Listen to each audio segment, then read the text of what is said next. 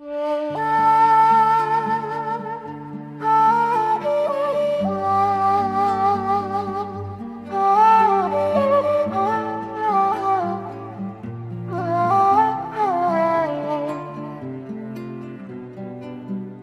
مستمرين لسه في حرب بدر وفيها أحداث مليانة نور. الحدث الأولاني إن سيدنا النبي عليه الصلاة والسلام قال من لقي منكم العباس ابن عبد المطلب عم النبي فلا يقتله فإنما خرج مكرها. كانت قريش طلعت عيلة النبي اللي عايشة لسه في مكة واللي منهم ناس ما أسلموش أو أسلموا بيخفوا إسلامهم زي العباس علشان يطلعوا في الحرب علشان يحصل الحرب ويتقتلوا فيفجعوا النبي يحزنوا النبي فيهم. فطلعوا العباس مكره فالنبي قال للي يشوفوا ما يقتلوش. ومن لقي منكم أبو البختري بن هشام في الحرب فلا يقتله. أبو البختري ده اللي زمان لما كان في حصار في شعب بني طالب راح وقال ما ينفعش كده آه إحنا مشركين وهم خلفوا ديننا وامنوا مع محمد بس إحنا ما نسيبهمش كده يجوعوا ويموتوا من الجوع. فكان راجل جدع.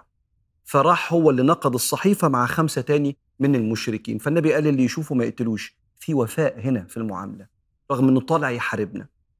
فواحد من الصحابة قال أنقتل آباءنا وإخواننا وعشيرتنا ونترك عم رسول الله؟ والله لو وجدته في الحرب لألجمنه السيف. هأكله السيف. يعني هقتله شر قتلى يعني. فسيدنا عمر لما وصل له الكلام ده هو وسيدنا النبي فقال النبي يا عمر أيقتل عم رسول الله؟ شفت يا عمر بيقول إيه؟ قال يا رسول الله دعني أضرب عنقه. الشخص ده كان اسمه أبو حذيفة مش سيدنا حذيفة بن اليمان. شخص اسمه أبو حذيفة صحابي جليل طبعا يعني. فسيدنا النبي قال له لأ يعني كأنه بيقول له لأ يا عمر دي من حماسة القتال وبعدين وصاه صلى الله عليه وسلم إنه ما يقتلوش. سيدنا عمر ما يقتلش أبو حذيفة ده. وفعلا ما اتقتلش سيدنا العباس كان بيقول أبو اليسر أحد الصحابة اللي جسمه قليل شوية والعباس كان ضخم. يقول شفت العباس قدامي واقف ما بيحاربش بينظر كده على القتال فقربت منه مسكته وهو ساكن ما بيتحركش. فلما راح لسيدنا النبي عليه الصلاة والسلام قال له أنت يا أبو اليسر إزاي أثرت العباس وهو ساكن كده وهو ضخم وأنت رفيع؟ فطبعا أنا بحكي لك الكلام بالمعنى يعني. فالعباس قال والله لا أعلم وكأني كنت موثوقا. فقال صلى الله عليه وسلم إنما أعانك عليه ملك كريم. كأن في ملك هو اللي كان رابط سيدنا العباس عشان ربنا أراد إن هو لا يقتل ويتأسر ببساطة وهحكي لك حصل معاه كام قصة بعد كده. أما أبو البختري بن هشام شافوه في الحرب وهو بيحاول إنه يحارب فهو داخل عليهم قالوا له النبي قال لنا ما نقتلكش. قال لهم طب وزميلي؟ قالوا لأ لو هو هيهجم علينا هندافع عن نفسنا. وبدأ زميله يهجم وأبو البختري جنبه كمان عمال بيدافع عنه. فاضطروا إن هم يدافعوا عن نفسهم فقتلوا زميله وقتلوا أبو البختري بن هشام بعد ما هو هجم عليهم ورفض إن هو يعني إيه زي يتنازل عن زميله وقال لا أرجع إلى مكة فتعيرني النساء أني تركت صاحبي. من المشاهد الرهيبة في الغزوة إن سيدنا عبد الرحمن بن عوف كان واقف كده في مكان كأنه بيجهز نفسه قال فنظرت عن يميني وعن شمالي فوجدت شابين شباب لسه تعرف سيدنا النبي ما كانش بيخلي أطفال تقاتل ورد سيدنا عبد الله بن عمر زي ما حكيت لك المرة اللي فاتت بس الشباب اللي كبر كبرت وقدرت تقاتل فكان اخذهم صلى الله عليه وآله وسلم إنهم بلغوا سن التجنيد زي ما إحنا بنقول يعني شابين يافعين كنت أحب أن أكون بين أكبرهما سنا كنت أتمنى يعني يبقى حد أكبر وأقوى وعنده خبرة يعني فجذباني وقال يا عم أين أبو جهل؟ أبو جهل ده كان ضخم جدا يركب جمال ضخمة أين أبو جهل؟ فقلت لهما وما لكما بأبي جهل؟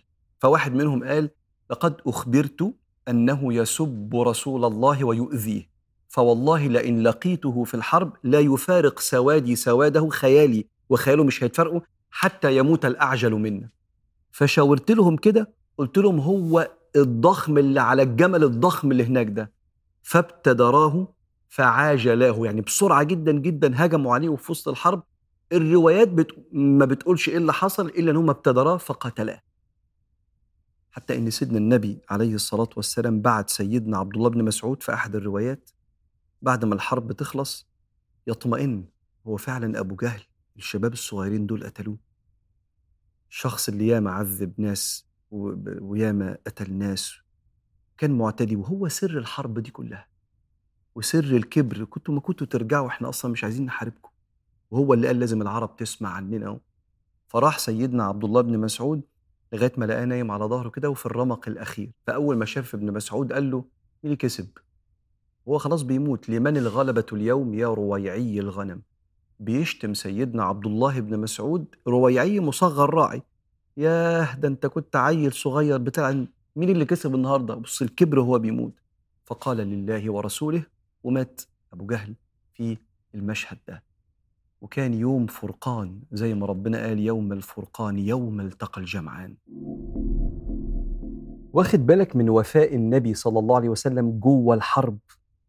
جوه الحرب اللي جيش المشركين ثلاث أضعافنا وعايزين يبيدوا المسلمين ويخشوا على المدينة بعد كده.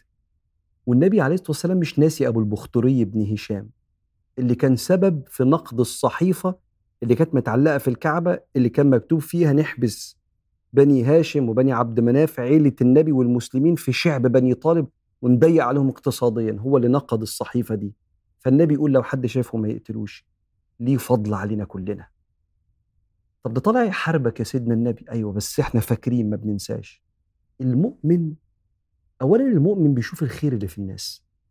ثانيا المؤمن مش متكبر. فلما حد بيعمل له فضل بيعمل له معروف بيكبر المعروف ده قوي عارف أنا لما بتكون نفسي متضخمة أنت لما تخدمني وتتفانى في خدمتي تمام.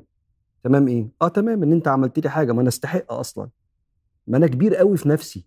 وانت لما تعمل لي خدمة كبيرة ما ده العادي ما أنا أستحق منك كده.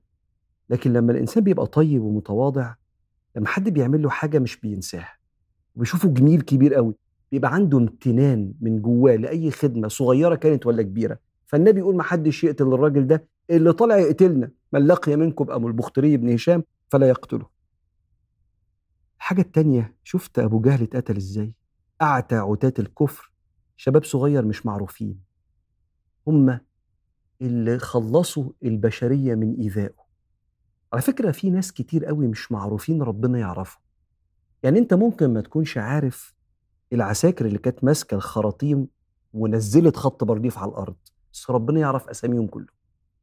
ويمكن بسببهم إحنا عايشين في أمان في بيوتنا. أنت ما تعرفش العساكر والظباط اللي في كماين كتير قوي على حدود بلادنا اللي بيصدوا المجرمين إن هم ما يوصلوش لبيتك. ما تعرفهمش. بس على إيديهم كانت نهاية عتاولة مجرمين كانوا ممكن يؤذونا ويؤذوا أماننا بس ربنا يعرفهم سبحانه وتعالى. عشان كده قد تكون مش مشهورة عند أهل الأرض. مش اللي قتل أبو جهل عمر بن الخطاب ولا أبو بكر ولا حد من العشر المبشرين بالجنة. شباب صغيرين. كان حتى سيدنا ابن عوف يقول كنت أتمنى أبقى ما بين أكبر منهم. بس ربنا يعرف ناس كتير هتتفاجئ بالعظماء اللي واقفين حوالين النبي اللي محدش يعرفهم بس سيدنا محمد يعرفهم وربك يعرفهم.